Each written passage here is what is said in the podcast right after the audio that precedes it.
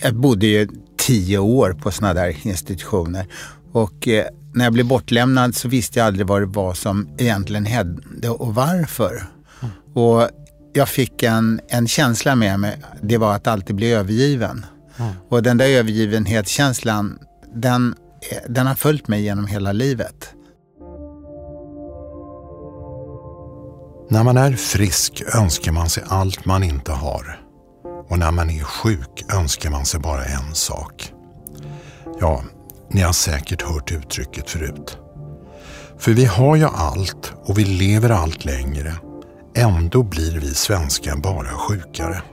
Hur går det ihop? Samhället satsar miljarder på sjukvården men nästan inga pengar alls på att vi ska hålla oss friska. Så kan coronakrisen få oss att satsa på vår egen hälsomotor.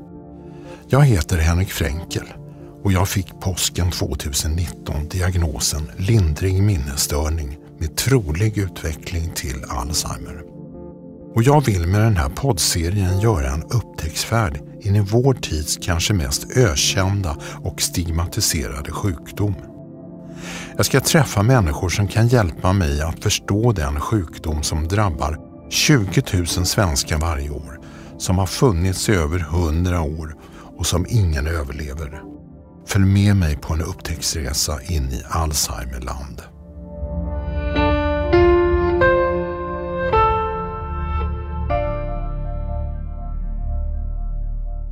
Och nu har jag Johan Holmsäter här i studion.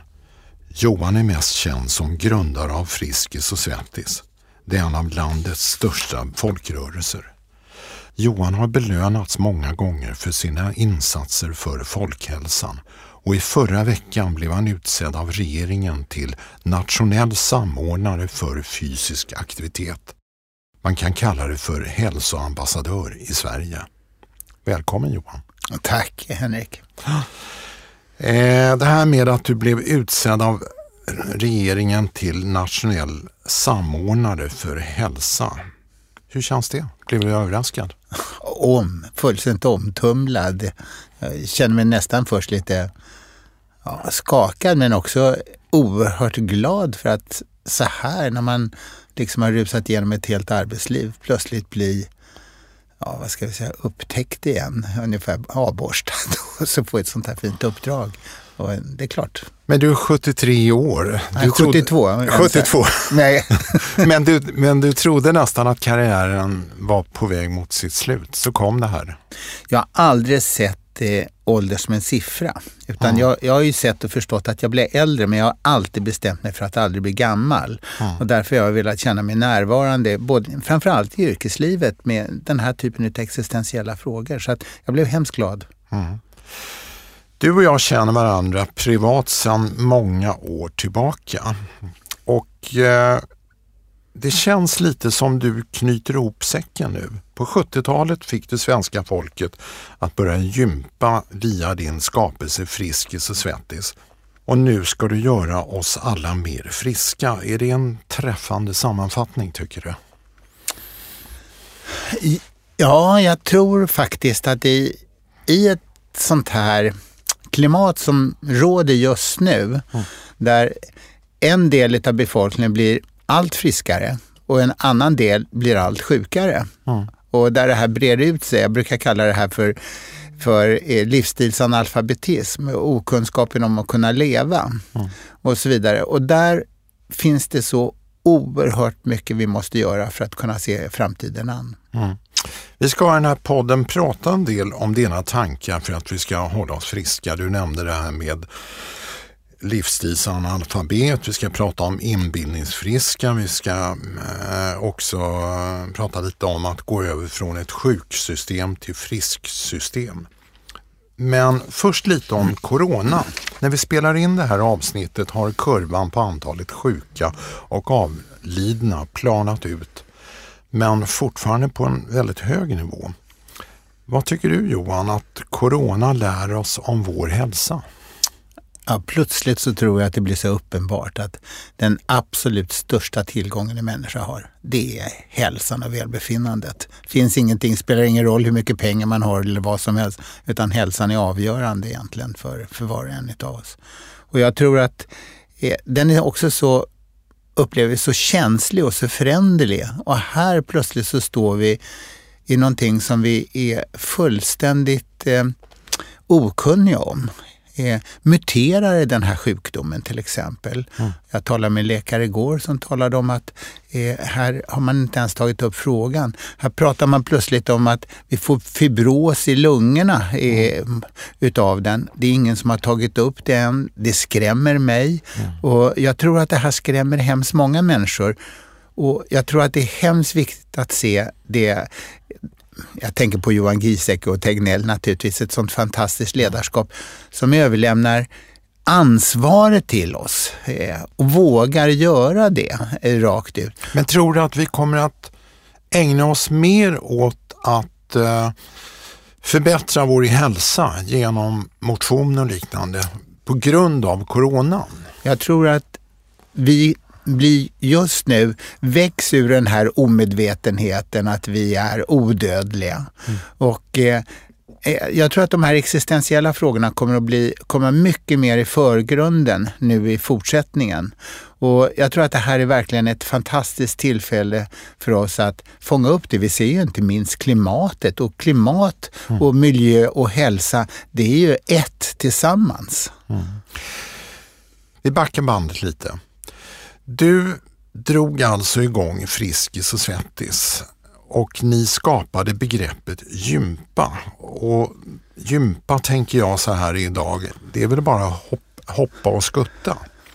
Så vad var det unika med Friskis på 70-talet? Ja, för det första så är, hade ingen pratat om rörelseglädje mm. eh, någonsin på det sättet. Även om gamle Ling sa en gång i tiden att eh, gymnastiken ska kännetecknas mm. av den sanna glädjen. Men han hade de med 17 inga vad heter det, musikanläggningar och alltihopa och kunde göra det som vi gjorde. Men var gjorde. det det som var poängen med Friskis, att det var musik? Nej, det var det inte. Utan eh, det är klart att när folk fick den här kravlösa möjligheten att prestera utifrån sin egen förmåga och sina egna behov och så mm. kände mm. lusten och jag vill ju väcka, för jag vet om vi tittar på barn, de älskar att få röra sig. Mm. Och man älskar att få dansa, de har gjort det i tusentals år. Mm. Och så hade jag ett helt koncept som jag hade byggt upp också. Mm. Och eh, eh, fysiologiskt, biomekaniskt, men jag såg också att alla människor har en kropp och en själ och det har musiken också. Den har en kropp och en själ och det gäller att kunna göra det så uttrycksfullt som möjligt. Och alla rörelser har också en kropp och en själ. Kan man mm. synkronisera det här på rätt sätt och sen också göra allting skalbart så att det verkligen når alla olika grupper, från de som har olika handikapp upp till de allra starkaste. Och det visar sig att den här har det, eh, modellen har det mer än någon annan modell som senare har uppfunnits när det, mm. gäller, när det gäller träning eller när det gäller att överhuvudtaget få röra sig och känna att det här och är effektivt. Hur, hur stort är Friskis idag?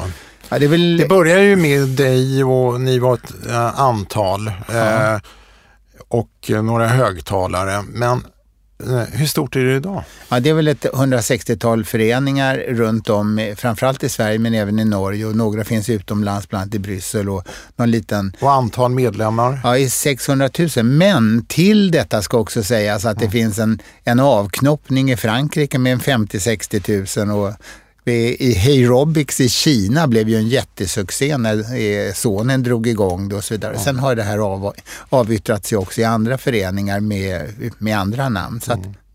Du hoppade ju av ett, efter ett antal år. Men när du tittar tillbaka på din skapelse, vad tänker du då? Är du stolt? Ja, det är klart att jag är stolt. Eh, och framförallt så tycker jag också att det är kul att gå in och så träffa människor. Jag möter ju på, när jag går ner på lunchpassen, för jag, jag är lite rutinlagd, jag vill gå mm. till samma, där jag träffar samma människor, vi kan skratta tillsammans mm. i bastun och eh, de kommer fram och, och, eh, har lite olika synpunkter och tankar. Så jag hämtar hemskt mycket av mina tankar och värderingar också där nere bland människor som jag ser mår bra. Och många kommer fram och tackar mig mig också. Och det är klart att det blir man ju inte mindre ödmjuk utav att, mm. och stolt över. Eh, namnet Friskis och Svettis är ju kul och fyndigt och det är väl ett av landets starkaste varumärken. Friskis, det förstår man ju vad det är. Men det här, hur kom det här med Svettis in i bilden? Vem är svettis? Eller vad är svettig? Jag blev ju livrädd uppe på GH när min, en av mina bästa polare från Zürich, där jag studerade en gång i tiden, kommer in. Hörru svettis, dra igång musiken! Och det var på den tiden jag var idrottslärare för alla Stockholms högskolor. Jag klämde på musiken oerhört snabbt. Vad fasiken var det han sa? Och då är, jag vill inte upprepa det för att nere i Zürich hade alla kallat mig för svettig för jag trampade omkring på en sån där tioväxlad cykel med korta brallor mitt i vintern och en, eh, bara en t-shirt. Och, eh, och alla såg att, att jag var någon form av något sånt här fysiskt jehu överallt. Och, eh, eh, och då tyckte jag att den där idén var rätt bra för att jag såg ju senare också i det här systemet som vi kan prata ganska länge om, mm. men som jag inte ska göra. Eh, det är eh, den sluss och så vidare som jag, och kedja utav aktiviteter som jag ville bygga från sjuk till friskt. Den kommer jag att kalla då Från Friskis till Svettis, där Friskis var den anpassade motionen och anpassade mm. aktiviteterna efter människors begränsade förmåga till mm. vardagsmotionen Svettis. Mm. Tyvärr har väl kanske bara, måste jag väl säga, eh, verksamheten, även om den så blivit mer svettig, så man har tappat den där tanken riktigt och så vidare. Men den kan vi återkomma till. Mm. Eh, du håller på och skriver på en bok som heter Friskvårdsrebellen. I boken så berättar du om din barndom. Vi ska inte uppehålla oss så mycket vid det, men det finns en sak som, som har präglat dig har jag förstått. Du blev bortlämnad och uppfostrad i ett pojkhem. Hur har det präglat ditt vuxna liv? Alltså jag har, eh, jag bodde ju tio år på sådana där institutioner och eh, när jag blev bortlämnad så visste jag aldrig vad det var som egentligen hände och varför. Mm. Och jag fick en, en känsla med mig, det var att alltid bli övergiven. Mm. Och den där övergivenhetskänslan, den, den har följt mig genom hela livet. Och eh, ett sätt för mig att egentligen komma ifrån den, det har väl också varit det att jag ville skapa någonting som var bestående. Jag trodde på det här med de här sociala kom, eh, kontaktytorna, att det är någonting som är viktigt att, väx, att få väcka tillit till andra människor och, och skapa någonting gemensamt. Och där kan jag känna mig trygg. Mm. Och nu fick jag inte göra det kanske i alla olika avseenden, men eh, jag har fått mycket mer trygghet med mig från, för att det där var en skada. Och, som till och med skap, skapade ett självskadebeteende hos mig. Det vill säga att jag stack ut och sprang mig fullständigt slut och spydde alltid två gånger. Innan jag kom, då var jag alltid lugn och då kunde jag hantera tillvaron. Var det så du kom in i träning? Ja, det var så jag kom. Jag kom att lära känna min kropp bättre kan jag säga, än nästan någon annan känner sin egen kropp. Och därför vet jag att att kroppen har en fantastisk läkningsförmåga mm. och man måste lyssna in kroppen. Jag vill aldrig lämna över kroppen till någon annan. Jag, men vi behöver inte gå in på de detaljerna. Men, vad sprang du ifrån? Därför uppenbarligen var det något du sprang ifrån. Jag sprang ifrån ångesten. Att ha, jag kände mig lurad. Jag kände mig att jag inte var värd någonting. Jag var, som jag skriver i boken, jag var absolut ingenting. Jag var en ingen. Och den känslan vill jag eh, den drabbar mig ibland och, mm. eh, och då gör den ont. Och, och vad känner du nu då? Eh, jag, har, eh, jag, har, jag känner mig verkligen som någon. Jag har, till exempel så ska jag bli farfar nu eh, i september och det är ju alltså det absolut bästa jag har i min tillvaro. Det är mina tre ungar och sen har jag en bra sambo. Sen har jag absolut fantastiska vänner. Mm. Så jag känner att de där nära och kära, det är absolut det viktigaste som finns i hela tillvaron. Så från pojkhemmet så har du byggt upp någon slags eh, familj ändå? Ja, det har jag gjort. Och sen har du Friskis egentligen som en stor familj som ja. du alltid kan, kan tänka på som eh, din skapelse? Ja, jag tycker att det är skönt att gå ner som en individ i kollektivet, få vara där på mina egna villkor och kunna gå därifrån. Men det var ju mitt första barn egentligen, så att eh, det var ju att uppfostra någonting och få det att växa. Och det, men det var spännande och det var kul. Vi ska göra ett kort break då jag ska samtala med Liselott Jansson, generalsekreterare på Alzheimerfonden. Hej Liselott på Alzheimerfonden. Hejsan Henrik. Jag är stolt ambassadör för er och vi ska i poddarna framöver ha små minisamtal om er verksamhet. Ni samlar ju in pengar till forskningen kring Alzheimer men ni engagerar er också i hälsa och livsstil. Varför det? Ja, du vet ju Henrik att eh, framgångarna när det gäller att hitta läkemedel som kan bota eller motverka Alzheimers sjukdom har ju varit ganska nedslående. Mm. Men desto större framsteg finns det faktiskt inom forskningen när det gäller effekten av att göra livsstilsförändringar. Och det finns många som har gjort den, den typen av forskningsprojekt. Mia Kivipelto en, professor Ingmar Skog en annan. Och där har ju studierna visat att man med regelbunden fysisk aktivitet kosthållning, minnesträning och hantering av blod och kärlrelaterade riskfaktorer faktiskt kan påverka risken att utveckla minnesbesvär och kognitiv svikt.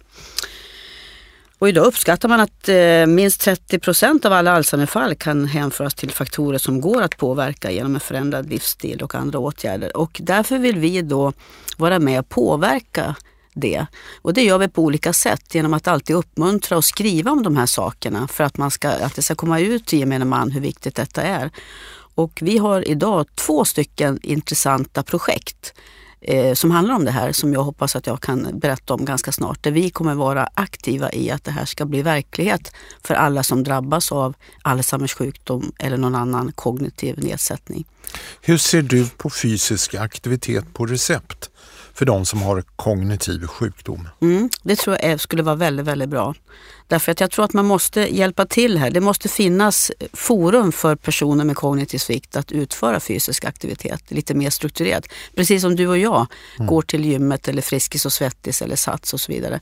Och som en del utav en vårdplan som ju inte minst du driver mm. så tycker jag att det här ska vara en sån. Man ska kunna få hjälp på recept för att kunna bli fysiskt aktiv. Därför att vår hjärna det är en muskel och den behöver träning. Tack Liselott. Tack. Nu är vi tillbaka med Johan Holmsäter. Du blev alltså i förra veckan regeringens hälsoambassadör kan man säga. Vad vill du åstadkomma kort? Alltså jag, skulle, jag vill åstadkomma eh, eh, stort, ett sundare, ett friskare och vitalare Sverige. Eh, det låter ju stort. Nu har jag inte fått någon chans att sätta mig ner och diskutera med andra människor och det återstår ju. Jag vill bygga en bas för det här. Och jag tror ju att det finns olika grupper som är fantastiskt viktiga att ta med sig. Men och vilka, tänk, vilka är det då? Ja, det är, Spontant? Ja, det är barn och ungdomar. Ja. För mig har det alltid varit det, där vi har vår framtid. Sen är det naturligtvis de äldre också som vi idag kanske har tappat lite grann och har lite dålig respekt för. Och vi ser att med demografins uttryck för framtiden så kommer det bli en mycket, mycket stor del av svenska folket och vi måste se till att de mår bra. För vem, vem ska annars kunna i solidaritetens och lojalitetens tecken se till att stötta deras välbefinnande i framtiden också? För det mm. kommer att vara kostnaden. Och sen ser jag ju naturligtvis alla de här som är resurssvaga. Vi har fått många människor som har kommit hit. Vi har många människor som har funktionshinder av olika slag och vi får inte glömma bort dem i det här. Och jag tror att jag vill satsa på på människor som känner att det här budskapet, vad kan jag göra för hälsan i Sverige? Det är dem jag vill plocka in. Jag vill inte plocka in i första hand organisationer, för så gjorde jag med Friskis och Svettis. Jag gick ut och frågade, vilka av er vill vara med om att skapa den här idén som jag har? Och jag fick fantastiska människor. Och jag tror att det är precis så jag ska göra just nu också, fortsättningsvis. Så att det är egentligen inte de som går på gym idag som, som är de du riktar dig till? Ab absolut inte. Mm. Om, vi, om vi tittar på de unga, eh, vad är problemet tycker du? Oj, det är en jättefråga. Eh, alltså vi ser ju att, att eh, hela den här generationen, om jag bara tittar 50 år tillbaka, har degenererat när det gäller den fysiska arbetsförmågan. Och, och det gör mig rädd. När jag, vet, när jag ser att minst en fjärdedel av alla ungdomar som lämnar gymnasiet idag har sämre kondis än jag som är egentligen pensionär som sitter här. Mm. Och som tar det räcket när de ska gå upp för trappor och liknande och som inte har någon fysisk arbetsförmåga. Hur ska de klara ett arbetsliv, en försörjningsplikt och sen också kunna klara en ålderdom? Mm. Det, det här är ett jätteproblem. Och varför har det blivit så? Ja, därför att jag tror att man är, är Eh, människan har två eh, eh, egenskaper, precis som lejonen. De går ut på natten och de jagar, sen lägger de sig ner och så vilar de i, i skuggan någonstans. Och det är likadant med människor. Vi har fått den här möjligheten att, att skapa en livsmiljö med materiella tillgångar som gör att vi känner oss hemskt nöjda och sen lägger vi oss ner passivt och gör ingenting alls. Så det där är farligt både för oss själva och för hela miljön och för hela vår tillvaro. Och jag tror att eh, vi måste öka medvetenheten kring de här sakerna. Alla vet att de behöver röra sig, men de förstår inte hur. Vi måste lägga in det här i vårt vardagsbeteende. Det är inte frågan om att springa på gym. Det är frågan om hur vi tar oss till skolan, till jobbet, vad vi gör under dagen istället för att sitta ner hela tiden. Och, eh, det finns oerhört enkla insatser att kunna, vad heter Typ vad då, då? Ja, ta till exempel som nu sitter vi här och måste spela in det. Men ja. i vanliga fall om du och jag har ett möte behöver vi inte sitta ta, och det första vi gör få en kopp kaffe i handen. Vi kan faktiskt sätta på oss dojorna och gå ut och gå en rask promenad. Och behöver vi komma överens om någonting kan vi sätta oss tio minuter ner och så skriver vi ner kontaktrapporten och sen får man fem minuter på sig att pissa, sen tar man nästa. Och, och så tänker jag göra som nationell eh, samordnare. Men det låter ju lite uppfostrande det här. Eh, tror du inte att eh, ungdomar kommer tycka att ja, ja, det är en, det är en äldre farbror som nu ska försöka upplysa oss? Du vet att när jag lärde barnen att borsta tänderna så var det också det där, sitta i knät och så ville de snacka och så skulle man stoppa in tandborsten i truten på dem mm. så att de lärde sig. Om, och till slut så fick de en känsla utav, det är ganska skönt det här. Dels kanske sitta i pappas knä, men nu börjar jag bli så stor så nu kan jag faktiskt ställa mig här själv och borsta tänderna. Och det är rätt skönt att se att de har ju fortfarande tänderna kvar i munnen. De mm. Tydligen är det någonting som har gått fram. Mm. Och den andra gruppen, du nämnde tre grupper, men vi tar gruppen äldre, vad, vad är problemet där? Utifrån ett hälsoperspektiv? Ja, jag tror att till exempel ensamheten är ett jätteproblem för många äldre. Mm. Tittar vi på de mediterranska länderna så har jag ju sett för att jag har umgåtts en hel del där nere. Mm. Att där träffas man ute. Det är inte bara att spela boll och så vidare, men där finns det rutiner kring det här och hela familjen har en helt annan känsla för att umgås. Här har vi lagt över det här naturligtvis i, in, i institutioners händer och liknande. Så att eh, jag kan ju nästan se någon form av hjälplöshet istället att, att bli äldre. Det gäller att vara jävligt stark för att bli äldre för att kunna klara av och skapa det här nätverket själva. Här tror jag till exempel att vi behöver få in barn och ungdomar att, att kunna umgås även tillsammans med de äldre, att kunna hjälpa, kunna bidra. Och jag vet att när jag var ung tyckte jag var jättespännande att träffa äldre, höra vad de hade att ge och så vidare. Och jag tror att den känslan, det behovet finns hos hemskt många unga idag. Och det är frågan om hur vi ska förbereda och skapa det där. Jag har vissa tankar som jag kanske kommer med lite senare. Nej, men vi kan ta det redan nu. Jag har förstått att du har någon slags tanke, den är ju väldigt radikal, om en nationell vård och omsorgsplikt. Ja, jag har gått och närt den under lång tid. Och jag ser ju det att, att många av de här äldre jag tror att de skulle älska att gå på teater eller gå på en bio eller kunna ta sig till rena, eller spela schack.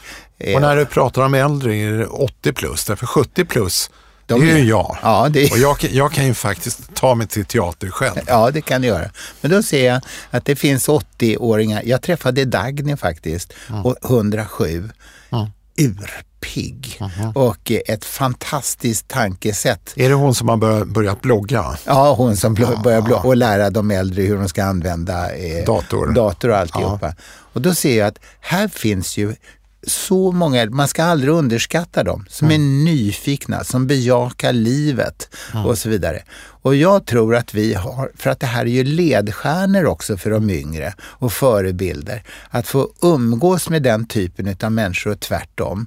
Och vi vet ju också att till exempel blandar man ett sånt här hem med många äldre och många barn så blir plötsligt de äldre flera år yngre.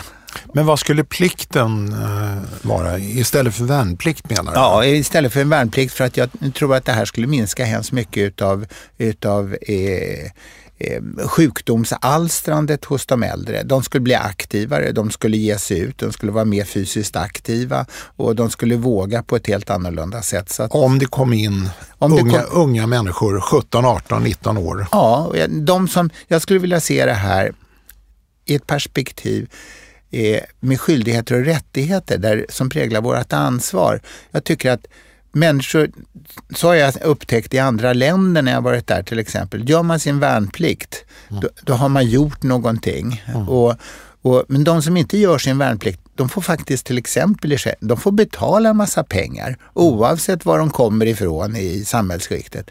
Och jag tycker lite grann att det borde vara på samma sätt här. Att den som har gjort sin värnplikt när det gäller omsorg, de har fått lära sig vad empati är. Och de har lärt sig respekt för de äldre och alltihopa. Sånt som vi har tappat idag. Och då har de också rätt till att få den här vård och omsorgen senare i livet. Och och jag tycker inte att det är någonting man ska komma ifrån. Och jag ser också att det här är ett fantastiskt sätt för en fjärdedel av alla människor i Sverige idag, det är, invandrade människor. Eh, och jag tror att det här är ett oerhört fint sätt att integrera människor i vårt, i våra samhällsliv, arbetsliv, samt i en fantastiskt fint sätt att rekrytera människor in i vård och omsorg. För idag har vi människor som har stark empati men inte har förmågan, fysiska förmågan att klara det arbetet.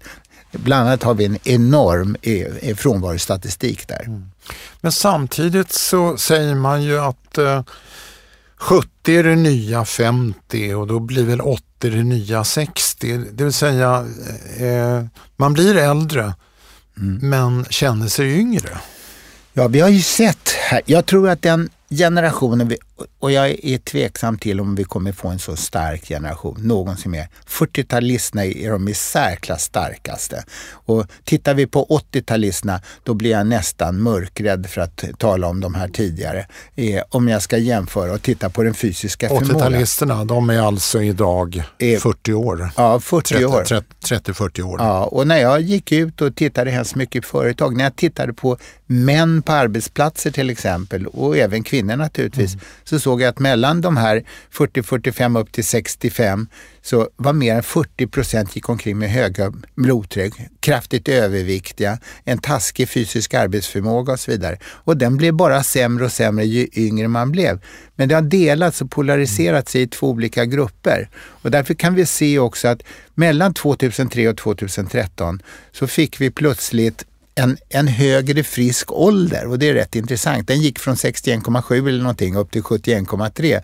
Och flyger man ner till Kreta för att till exempel i september, då ser man plötsligt många av de här friska pensionärerna som har med sig sina barnbarn och reser. Så du har helt rätt. Vi har en del som är mycket friskare och starkare, men demografin kommer också visa att vi får oerhört många som är inte bara trött, fet och 40 som jag brukar säga om de där andra. Utan jag tror att det är rätt viktigt att få känna sig vital, stark och, och 70 istället. Och, Men vi blir då egentligen, eh, vi har alla förutsättningar att bli friskare.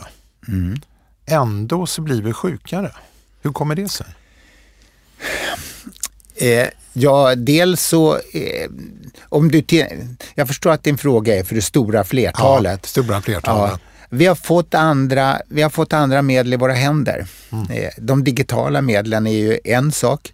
Eh, På 60-talet hade vi knappt en bil. Idag har vi två, tre bilar i ja. familjen. Vi bygger större och större motorvägar. Ja. Eh, och eh, våra transportmöjligheter för, för att flytta häcken från morgonen från sängen till arbetsplatsen respektive tillbaks, den utgör inte många sekunders fysisk eh, ja. aktivitet. Man tror att det är ungefär cirka 6-7 procent av den vuxna befolkningen som rör sig tillräckligt. Alltså närmare 90 procent eller så är långt ifrån den siffran varav kanske hälften av överhuvudtaget inte ens rör sig fem minuter om dagen nästan. Du pratar om att man måste hålla igång sin hälsomotor och det vill väl alla. Eh, men hur? Vad är det som gör att man håller sig frisk? Ja, om jag om jag tänker tillbaks på mig själv så har jag ju fått lära mig det där redan från tidig ålder. Jag älskade att få röra mig. Och sen min mor, hon gjorde någonting. Vi hade faktiskt inte alltid till mm. tre mål mat om dagen. Men hon, hon vid de tillfällena när vi trots allt fick växa upp så gick vi alltid. Jag fick alltid gå bredvid barnvagnen. Mm. Eh, och hon stoppade maten i den där skrangliga barnvagnen. Och som femåring man går från Aspudden in till, till Stockholmsström för att titta på båtar och fick någonting och sen mm. gå tillbaka så är det klart att det stärkte mina ben. För mig var det självklart att röra mig och sen få en fotboll. Förebilden att eh, se Nacka på min tid. Jag ville också trolla med bollen som sexåring. Men de som nu inte är friska, ja. säg, säg, att de, de som är sjuka, eh, finns det inte risk att man stigmatiserar sjuka genom att säga att du som har blivit sjuk, du får skylla dig själv? Ja, eh, det, Eller indirekt i alla ja. fall. Jag tror att den här typen av människor, de behöver ett stöd. Mm. Eh, och jag tror också att det är oerhört viktigt att uppmärksamma dem. Sen är det som så att jag tror att det är hemskt viktigt också att människor som får ett stöd, mm. att de tar det ansvaret själva, att ta det stödet till sig. Mm. Eh, och jag, tror, jag ser att alla människor när de föds har de tre egenskaper och de är ju oerhört demokratiska redan från första sekunden när barnet kommer ut så kan det ge sig till känna. Det vill säga, det känner, det har känslor mm. och de måste utvecklas för det finns en utvecklingspotential i dem. Och det är samma sak, alla barn, trots att de inte kan tala, de kan tänka. De sätter igång hela tanken. Sen har de någonting extra som man kan se, precis som på torskarna som landar i torskalåda på Fäsketorget på torsdagen klara ögon. Men ligger de där torskarna kvar på måndagen, då ser de där fiskögonen annorlunda ut. Tyvärr så måste man på något sätt se till att polera upp de där ögonen och få dem att få det som jag brukar kalla det här som är så viktigt. Den där viljan, den där energin som indierna kallar för prana. För den lever kvar och där sitter hälsomotorn. Och de här tre egenskaperna, det är våran personliga potential. Och mm. där måste det finnas argument. Lyssnar man inte på dem, då kan vi tyvärr inte göra någonting åt det. Mm. Eh, sjukvården har ju kommit i fokus nu under coronakrisen men du tycker om jag förstår dig rätt att vi borde satsa på ett frisksystem istället. Vad, vad är skillnaden mellan ett sjuksystem och ett frisksystem? Ja, alltså, eh, om vi tittar nu så lovordar vi vården och de gör en fantastisk insats. Det, det som man ryser när man tänker och ser på att hur de jobbar nu i långt över sin normala arbetstid och går in med risk mm. för sitt eget. De, de är alltså besjälade av att bota, lindra och trösta. Mm. Och, och, så är sjuksystemet också uppbyggt och visar sig också i sina yttersta vara eh, fantastiskt. Men jag tycker att det är så synd med det systemet som vi har att vi inte har försökt att förebygga det här. För vi vet att 70-80 procent av alla sjukdomar idag, de har en direkt livsstilsorsak. Och då är och då tror jag att det är hemskt viktigt att vi måste börja att inspirera människor, att motivera dem så att de utvecklar sig och stödjer dem. De här tre sakerna, det ligger ett steg innan. Och då att vi börjar, istället för att fokusera eländesperspektivet hela tiden mm. och, och letar sjukdomar, så måste vi leta det friska hos människor. Och ska jag utveckla det något så är hälsa inte motion. Det är inte goda, för det är hälsosamt. Hälsa är någonting helt annat. Och vad är det då? Ja, det är att se hela sammanhanget i tillvaron och kunna göra det begripligt så att jag förstår vad min roll är, vad jag ser att min uppgift är så att jag kan ta ansvar för det här. För kan man fokusera begripligheten och samtidigt känna att jag har någonting som är meningsfullt att leva för. Jag har en livsuppgift, mm. jag har någonting som jag vill utveckla, stimulera och alltihopa. Mm. Då har jag någonting att kämpa för, för det har jag haft. Och då vill jag också ha en bra hanterbarhet. Jag vill ha inflytande över saker. Jag vill kunna vara med och påverka. Det här brukar man kalla för känslan av att leva i ett, i ett sammanhang där man kan vara med. Men jag har lagt till en sak där.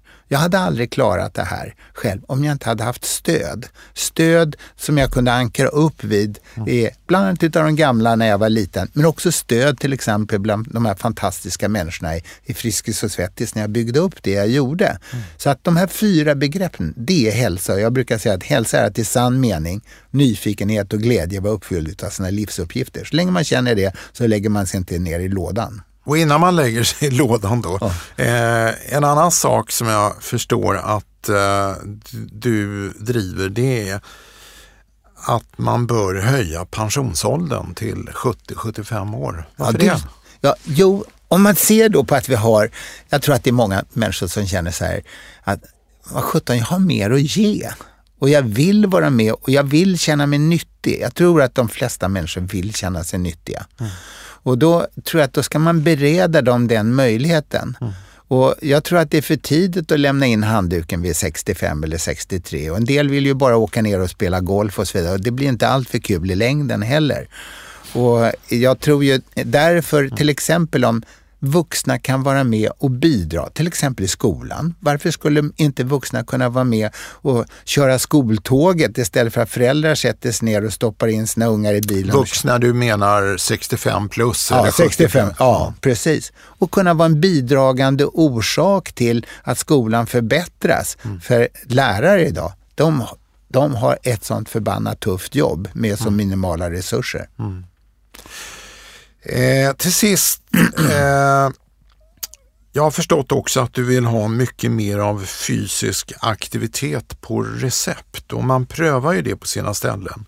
Vad är vinsten för oss individer och för samhället att eh, få det utskrivet på recept? Jo, jag tror det. det, det Börjar man motionera bara för att man får ett recept? Ja, jag drev förstår du, den här grejen för första gången när jag var idrottslärare för, på studenternas. Då mm. hade jag en läkare och så hade jag en sjuksköterska på SSHB. Och de skickade iväg de här vuxenstuderande som hade en omöjlig situation, ett, två barn hemma, är, är, pluggade på heltid och jobbade på heltid. Och det är klart att de sprang in i väggen, men det pratade man inte om på den tiden. Och dessutom fick alla sina livsstilsbesvär. De var jag tvungen att sätta mig ner och diskutera som 28-årig idrottslärare mm. att, och hitta ett rättesnöre för. Det där är jag utvecklat och jag tror att de flesta de behöver någon form utav, utav stöd där de slussas till vi har ju så många människor till exempel med metabola syndrom idag. Och vad är det? Ja, exempelvis då höga blodtryck, eh, de har eh, fettet runt levern och så vidare. Diabetesen är, är, som redan de är präglade utav eller en prediabetes eh, som kommer och så vidare. Det, det här är ju sjukdomsalstrande för flera sjukdomar sen med hjärt och kärlsjukdomar som eh, kanske som leder till döden och så vidare, mm. för tidig död. Och jag tror att eh, de här människorna, de måste, de måste ha ett hjälp. Det räcker inte bara att få eh, blodtrycksmedicin och, och, liknande och få sina insulinsprutor. Vi vet till exempel att med de här 500 000 diabetikerna idag så är 490 000 di mm. diabetes 2 och de de skulle kunna häva den med att bara daglig regelbunden eh, fysisk aktivitet. Är det så enkelt? Det är så enkelt. Ja. Eh, vi ska avrunda, men du har ju följt min kamp eh, på bloggen och podden när jag försöker upplysa om sjukdomen Alzheimer. Eftersom det inte finns någon bot på Alzheimer så har jag efterlyst någon form av en friskplan för alla som har fått en diagnos. Vad tycker du att en sån friskplan skulle kunna innehålla? Ja, alltså utgångspunkten för mig, eh, för mig har alltid varit att en frisk kropp är en sund själ. Och så Men jag skulle vilja säga så här, en frisk kropp gagnar en, en, en frisk hjärna.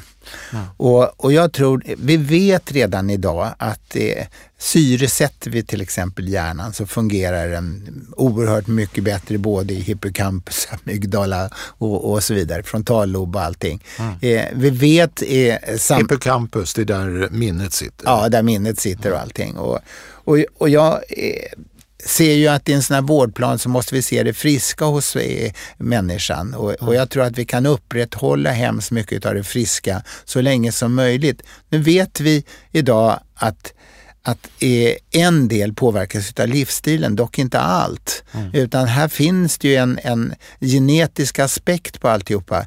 Men vi måste verkligen se till att vi sätter igång och forskar på hur hur kan vi både förebygga det, men framför allt också se hur kan vi så länge som möjligt i det här inte oändliga livet se till att få hålla oss friska så att vi är närvarande och får vara med om det som vi alltid har tyckt är så meningsfullt. Mm. Vad vill du se för slutresultat? Hur, hur ska vi må eh, om du har lyckats? Jag jag vill kunna se att vi har hävt den här, stor del av den här livsstilsanalfabetismen. Jag vill se barn som går till skolan som blir starkare och gladare, springer, har mera spontanidrott och spontanlekar. Jag vill se äldre som är ute och går på torg med yngre, slår sig ner på en bänk och spelar schack. Eh, jag vill se eh, de här eh, resurssvaga som har kommit in och umgås lika mycket med oss svenskar, lär oss att laga mat. Eh, för det är många utav dem hemskt duktiga på. Jag tycker det är urkul att åka ut till Rinkeby och Tensta och handla där ute. Tänk om många svenskar eh, kunde lära sig att göra. För det första är det mycket billigare, men det andra, det är jävligt trevligt att umgås med de här människorna. Bra Johan. Ja. Eh, lycka till. Mm, tack ska du ha. Eh, tycker det här ska bli hemskt spännande och kul.